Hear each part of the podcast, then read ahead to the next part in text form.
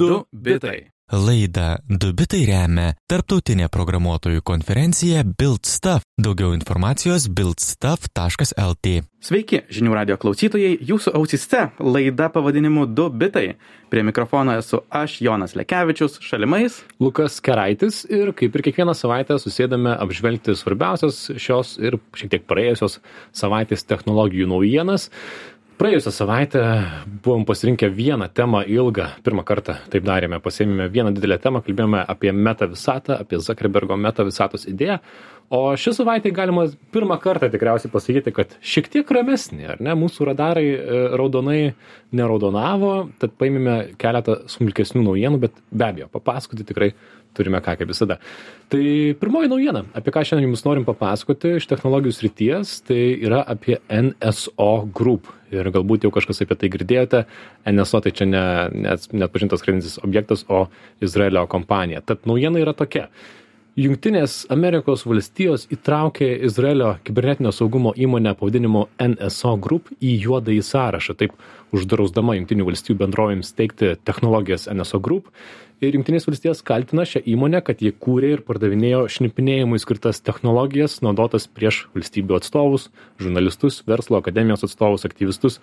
O įmonės veikla neva kenkia jungtinių valstijų visuomenės saugumui ir be abejo nso group e, galbūt šio pavadinimo nežinote bet galbūt esate girdėję pavadinimą pavadinimu ir pegasus. Tai yra programa tai yra produktas šios įmonės kuri leidžia efektyviai nulaužti telefoną ar ar kitą įrenginį perimti jo įrašymo filmavimo duomenų kontrolę ir tai padaryti vadinamuoju zero clicks būdu. Tai yra kad mm, vartotojui naudotojui telefono net nereikia nieko paspausti Pegasus produktas leidžia tai padaryti. Na, na, NSO Group turi tiesiog išskirtinį artefaktą savo, savo, savo ginklų kontrolėje, ar ne, kad jie gali nulaužti bet kam iš mūsų bet ką iš mūsų kas naudojame telefonus tai apie tai yra pegasus Kitais žodžiais galima apibūdinti, ką iš tiesų NSO daro. Jie, jos galima vadinti saugumo kompanija, bet iš tiesų yra antisaugumo kompanija. Jie yra kompanija, kuri gamina įsilaužimo įrankius. Tai, ką, ką, jeigu hakeris daro, yra nelegalu, bet jeigu e, tu tai darai oficialiai ir parduodi valstybėms, tai tai tampa oficialu ir gali iš to uždirbti pinigus. Tai jie tiesiog yra produktuzavę įsilaužimus, hekinimą, visokiausių metodų, kaip įsilaužti į, kit, į apsaugotas sistemas, ypač jų atveju telefonus, nes telefonuose žmonės saugo pačią svarbiausią jiems informaciją, tai jie tame ir specializuojasi, gamindami hakerių tulsus. Ir, ir jų klientai tiesiog yra valstybės, valstybių vyriausybės, jie sako policijos departamentai, ir aišku jie sako jog viskas ką kodėl jie pardavinėja yra tiktai tam jog kovoti prieš terorizmą ir jog nieks nieko blogo tikrai nedaro su jų um, įranga tačiau yra ir priešingų faktų. Taip čia čia turbūt tame ir ironija kad nso group įrankius parduoda na netgi yra išėję antraštės tokiu pavadinimu kad nso group parduoda bet kam. Ir tai yra vienas pagrindinių kaltinimų šiai įmonei kad na tarp jų klientų yra tikrai daug valstybių kurias nepavadintum gerbiančias demokratiją ar žmogaus teises ir kitas dalykas yra kad jau per keletą tyrimų paaiškėjo kad ne ne tiek dažnai teroristai yra tai na tai taikiniai kurie yra nuhakinami su pegasusu bet e, tarp tų pate žmonių patenka žurnalistai. A the washington post tyrimas parodė kad bent trisdešim septyni žurnalistai žurnalistų telefonai buvo nuhakinti šitu būdu kelių kelių dienų naujiena šeši palestinos žmogaus teisių aktyvistai jų telefonai buvo paveikti.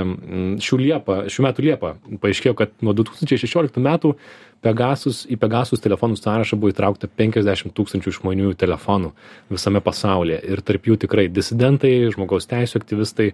Ir būtent dėl to nso group sulaukė na kaitinimo ne tik iš iš valstybių kas pirmą kartą įvyko kad taip imtų ir garsiai pasakytų jungtinės valstijos kad mes kažką smerkiame nors klausimas klausimas atviras ar amerika jungtinės valstijos nebuvo klientas šitos įmonės ar buvo ar nebuvo. Man taip rasti tokios užtikrintos informacijos nepavyko.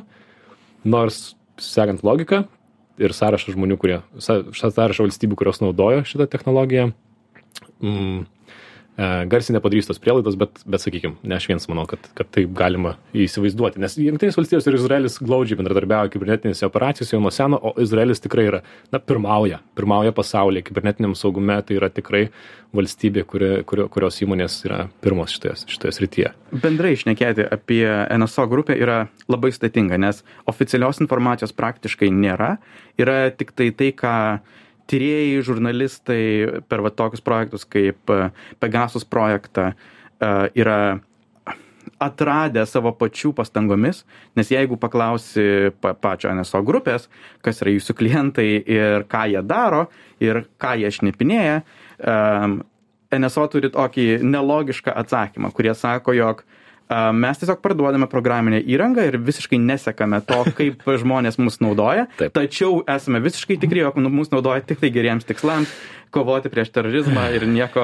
jokio šnipinėjimo. Taip. Tuo tarpu, kai pasižiūrė, aišku, tą valstybių sąrašą, tu paminėjai, jog ten iš tiesų nėra vien tokie demokratijos šviesuliai, daugiausiai istorijų ateina iš Saudo Arabijos, kurie Tikėtina, galbūt buvo naudoja, vėlgi, jokių oficialių šaltinių nėra, bet e, labai gali būti, jog programinė įranga buvo naudojama Kašiaugiai, kaip jo vardas, to žurnalisto. Aha, jo vardas to yra. Džemalas Kašiaugis buvo taip, prieš Džemal kelis metus. Situacija, taip, čia, kai jisai buvo nužudytas um, Saudo Arabijos konsulate Turkijoje, um, jo žmonos telefonas, manoma, buvo šnipinėtas šita programa. Šiaip tikriausiai tais metais ir išgirdome garsiai apie Pegasus programą, apie tą programą, kurią kuria uh, Izraelio um, įmonė ir kuri gali nulaužti kiekvieną telefoną. Kita susijusi istorija buvo su Amazon vadovu Jeff Bezos, nes jam priklauso Washington Post uh, laikraštis, kuriame žurnalistas buvo Džemalas Kašaugis ir yra įtariama, jog Saudo Arabijos princas uh, Mohammed bin Salman uh, naudojo būtent Pegasus tam, jog per WhatsApp programėlę įsilaužti į Bezos telefoną. Čia viskas yra taip sudėtinga, susijęs oficialių. Jeigu, jeigu, aš atsimenu, kai skaičiau šitą istoriją gyvai ir, ir, na, tiesiog nežinai, ar tai tiesa, nes kas tau čia patvirtins ar paneigs. Jeigu tai yra tiesiog tiesa, tai yra verta filmo scenarijaus, kad Jeffas Bezosas susirašinėjo su Saudo Arabijos princu, o jisai atsiunčia jam žinutę Bezosui, per kurią jo telefonas yra nuhakinamas ir ten jo buvo pauktos nuotraukos, ar ne, Jeffo Bezoso nuogo nuotraukos, na, žodžiu, bulvarinio skaito verta istorija. Šis tas. Ir tos valstybės, kaip ir mes paminėjom, na, na patys spręskite, NSO klientai yra Azerbaidžanas, Bahreinas, Vengrija, Indija, Kazakstanas, Meksika, Marokas, Ruanda, Saudo Arabija, Togas, Junktiniai Arabų Emiratai. Meksika, na, ten, ten tikrai buvo iš vieno tyrimo, vieno tyrimo metu daug telefonų atrasta ir ten tikrai žurnalistai buvo tarp tų žmonių, kurie Meksikoje buvo e, taikiniai šitos programos. Kitaip tariant, aš nesijaučiu labai kompetitingas komentuoti didžiąją dalį šitų politinių aspektų. Beje, įdomu, galiu trumpai pakomentuoti, kas, kas vyksta su techniniais aspektais. Taip. Kas yra tie tikslai, kuriuos uh, E, NSO bando sukurti per Pegasus. Taip, tai... labai įdomu, nes aš įsivaizduoju, kad tiek Apple, ypatingai Apple, bet ir Google'ui tikrai šitą dešimtmetį skauda galvą. Uh mhm. žinant, kad yra įmonė, kuri turi kažkokią programėlę, kuri kažkokiu būdu nulaužia tavo telefoną per atstumą ir tu nieko negali padaryti. Tai Pegasus, yra, Pegasus ir NSO grupė yra turbūt didžiausias toks skausmas, nes tai yra įmonė, kuri tiesiog pilnai sufokusuota nulaužinėti juos mhm. ir kitaip negu e, tokie geranoriški hakeriai, kurie priduoda savo atrastus e, nusilaužimo metodus ir už tai gauna tokius vadinamus atlygius. Um, Pegasat arba NSO tikslas nėra priduoti tą informaciją, Apple tikslas yra tą parduoti vyriausybėms už uh, dešimtis milijonų dolerių. Ir jų pagrindiniai kanalai, kuriais bando laužti, yra susirašinėjimo programėlės, ypač WhatsApp. Nes WhatsApp yra pagarsėjusi tuo, kad yra šifruota ir taip pat ją naudoja labai daug žmonių, labai daug kas turi tą programėlę. Mhm. Tad yra puikus toks prieimo šaltinis, bet jie taip pat e, taikosi ir į kitus, pavyzdžiui, Apple iMessage tinklą, kuris irgi yra šifruotas ir todėl žmonės pasitikė juo, tad jeigu per tą pasitikėjimo kanalą tu sugebi įsilaužti, tuomet e, yra idealu. Mhm. Ir jų, e, kaip paminėjai, e, toks idealus įsilaužimo metodas yra tas zero click, bet iš esmės net nulinės informacijos. Tai yra, jog žmogus, kuris yra įlaužtas, negautų jokio signalo, jog jo telefoną buvo nusilaužta. Jeigu atvyksta kažkokia žinutė, jog jis net tos žinutės nepamatytų. Mhm. Tačiau jo telefono saugumas būtų pilnai pa, pa, pažeistas, uh, į telefoną būtų įsilaužta ir net perkrovus telefoną tas nusilaužimas išliktų. Um, tad toks yra tikslas ir pagrindiniai kanalai, kuriais juos jie tą pasiekia, uh, gal nustebins, yra paveikslėlių iškodavimas. Nes paveikslėliai ateina kaip ten tokia suspausta e, dvetainė informacija Taip. ir ją reikia kažkokiu būdu išspausti į pikselius, spalvotus kvadratėlius. Ir tas išspaudimo metodas yra labai komplikuotas metodas. Ir jame galima surasti spragų. Ir jie pagrindė būtent per, per jų beveik visi dažniausiai įsilaužimai vyksta per pa- paveikslėlių šifravimą. Ir Apple, būdami pagrindinis e, taikinys, nes apie Androidą net mažai yra naujienų, nes Androidą yra šiek tiek lengviau nulaužti. Pasakyk, Jonai, pasigarsiai. Um, bet bet žmonės, kurie labai ats- atsargiai žiūri į savo saugumą, labai neretai pasirenka naudoti Apple. Ir, ir todėl Apple yra toks didžiausias taikinys ir žinodami, jog yra taikinys, jie prieš kelis metus net pristatė savo naują technologiją, kur teoriškai jie turėjo tuos paveikslėlius visus atkoduoti atskiriame procese, izoliuotame procese, jog net ir bandant nulaužti, tu nulaužtum tik tokią virtualią aparatinę sistemą, ir Pegasas surado būdą, kaip apeiti tą jų sistemą ir, ir toliau vyksta tas katės ir pelės žaidimas, Taip. kur vienas sukuria kažkokią būdą kovoti, o tada NSO sugalvoja būdą apeiti. Taip, ieško skilių. Tad štai, tad NSO Group yra iš tikrųjų viena iš keturių uh, angliškai blacklistintų, tai yra juodai sąrašai ir šitų kompanijų, kitos trys yra dar viena iš Izraelio, Rusijos ir Singapūro, visos jos negalės uh, pirkti technologijų jungtinėse valstijose, kurios taip pat ima reikalauti šnipinėjimo programas kitoms valstybėms pardavinėjančioms įmonėms turėti licenciją. Na, Ir čia galim sakyti nulaužinėjimo, bet šiuo atveju, kai kalbam apie valstybės, tai tiesiai šviesiai reiktų sakyti šnipinėjimo programos.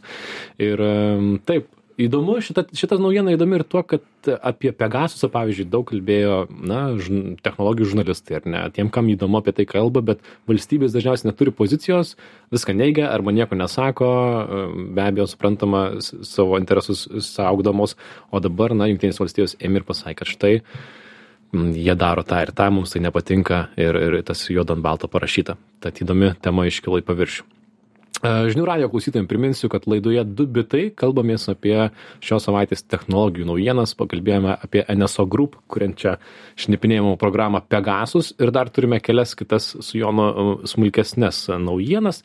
Tai viena jų iš netokia ir šviežia, iš praėjusios savaitės mums šiek tiek netilpo, bet trumpai paminėsime, kad Facebookas naikina veido atpažinimo funkciją. Jeigu pamenate, jau nuo 2010 metų Facebookai įkėlus nuotrauką ar video, jums dažniausiai automatiškai pasiūlins pataginti, pažymėti žmogų ar draugą. E, tai, na, Facebookas pasakė, kad šitą funkciją fe- savo socialinėme tinkle panaikins ir ištrins e, visą jo sukauptą informaciją daugiau nei vieno milijardo, nei, daugiau nei vieno milijardo žmonių duomenis. Bet, bet ištrins duomenis, ar ne? Jo, aš, aš dažniausiai stengiuosi būti neciniškas apie technologijų naujienas, bet apie šitą aš negaliu nebūti ciniškas, nes jie sako, jog jie ištrins visą tą originalius duomenis, jų sukaupt- sukauptą veidų duomenų bazę, tačiau jie taip pat sako, jog jie pasilieka savo deepface arba tokio giluminio veido algoritmą. Ir aš iš to tiesiog turiu vieną išvadą, jog jie iš tų duomenų, kuriuos turėjo, išsunkė viską, ką galėjo, išmokė savo algoritmą maksimaliai atpažinti veidus, juos klasifikuoti ir jiems tiesiog nebereikia turėti originalių duomenų. Tad gali padaryti šitą labai maloniai skambantį veiksmą, duomenų ištrinimą, nes tiesiog jie nebėra naudingi. Taip.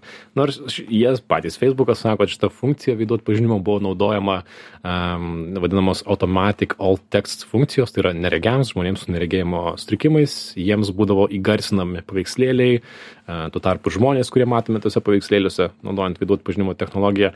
Ir aišku, man tai atrodo, kad protingas sprendimas, uh, jeigu gali ištrinti tos vartotojų duomenys ir pasilikti al- algoritmą, kodėl tai nepadaryti, nes tema yra karšta, veidų atpažinimas Junktinėse valstijose ir kitur. E, Ir e, tikriausiai taip planuojant savo krizes galimas, tai tai yra tema, kur Facebook'o galėtų laukti kelių metų bėgė kokia nors krizė. Jeigu kažkas padarys kažką ne taip, jeigu kažkas kažką pavoks, žmonės jautriai žiūri šitą, šitą temą, veidų atpažinimą, tad Facebook'as sako, apseisim, e, mažiau rizikos galbūt jiems bus, ar ne.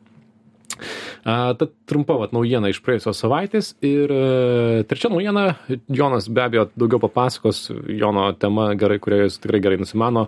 Google leis trečiųjų šalių mokėjimus Pietų Korejoje. Kodėl tai, e, na, papasakok Jonai. Prieš kelis mėnesius Pietų Koreja išleido, e, jie buvo tokia valstybė, kuri griežčiausiai pasirinko reguliuoti mobiliųjų telefonų programėlių parduotuvių mokėjimus. Programėlių parduotuvės tai yra App Store arba Google Play, kur žmonės perka programėlės ir taip pat e, su tuo yra susijęti ir tie mokėjimai programėlių viduje, vadinami in-app purchases. Ir galbūt nedaug kas žino, bet e, Apple ir Google nuo tų mokėjimų pasiima 30 procentų. Tai yra, jeigu kažkas kainuoja eurą, mhm. tai Apple ir Google krenta 30 procentų, kas daug kas sako, iš esmės yra monopolistinis arba toks nekompetitingas uh, mokestis. O Google ir Apple trina. Labai trina rankas, nes iš to susirenka dešimtis milijardų per metus. Geras, geras žaidimas. Um, tad Pietų Koreja buvo pirmoji valstybė, kuri pasakė, užtenka, jūs turite leisti trečių šalių mokėjimus, jog programėlių kurie, jeigu nori, gali tiesiog naudoti kažkokius kreditinių kortelių įrankius, kažką tokio kaip Stripe ar panašiai. Ir jie davė kelis mėnesius ir dabar mes laukime, ką Apple ir Google atsakys. Apple absurdiškai atsakė, mes jau laikomės jūsų visų naujų taisyklių, kai tai yra akivaizdinė tiesa ir daugiau nieko nepadarė, tad laukime, ką toliau pasakys, nes e, kol kas tai tiesiog buvo absurdas. Tačiau Google šią savaitę paskelbė jau savo oficialų e, sprendimą, kaip jie laikysis šitų naujų taisyklių. Ir jog e, jeigu skaitai jų tą naujieną, atrodo, o, wow, jie iš tiesų leidžia trečių šalių mokėjimus ir labai daug straipsnių išėjo tą temą. Tačiau kai įsigilini į detalės, jie padarė tokį hmm, labai gudrų e, teisiškai teisėtą ir leistiną sprendimą. A, tačiau kuris galiausiai visgi yra jiem patiem net naudingas. Jie tikėtina uždirbs net daugiau pinigų iš to. Tai ką jie padarė? Uh, jie pasakė, okei, okay, jeigu norit, galite nemokėti mums tų 30 arba 15 procentų, bet tiems, kurie nemoka šitų procentų, mes uždėsime naują mokestį, platformos paslaugų mokestį, kaip jie uždėjo. Ir žiūrėk, tu man, tas sutapimas to paslaugų mokesčio yra tiek, kiek buvo uh, prieš tai tie mokėjimai minus 4 procentai. Taip. Pavyzdžiui, jeigu tu anksčiau turėjai mokėti 30 procentų, dabar paslaugų mokestis tau bus 26 procentai. Akcija. tai visiškai. Ir to genialumas yra tame, jog iš esmės mažom sumom 4 procentai yra net uh, mažiau apsimokantis dalykas, nes kreditinių kortelių mokesčiai yra daugiau negu 4 procentai sumos. Mm. Tad jeigu tu pasirinksi šitą kabutėse ekonomiškesnį būdą ir naudosi savo platformą, tikėtina net sumokėsi daugiau mokesčių. Uh, tad Google visiškai apžaidė Pietų Koreją ir dabar belieka laukti, ar Pietų Koreja kažkokiu būdu atsakys ir aš dar laukčiau tiesiog pažiūrėti, ar Apple nusikopijuos namų darbus mhm. iš Google. Nes čia yra toks gudrus apėjimas visos taisyklės, ko čia buvo galima tikėtis, jog jie ieškos būdą peiti. Um, jog Apple tiesiog sakys, o gera mintis, mes tą patį darysim. Paslaugų mokestis.